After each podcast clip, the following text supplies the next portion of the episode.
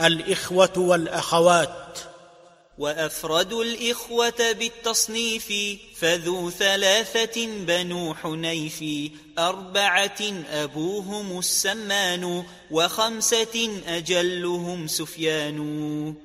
وستة أولاد سير نعددي ثلاثة منهم رووا بسندي.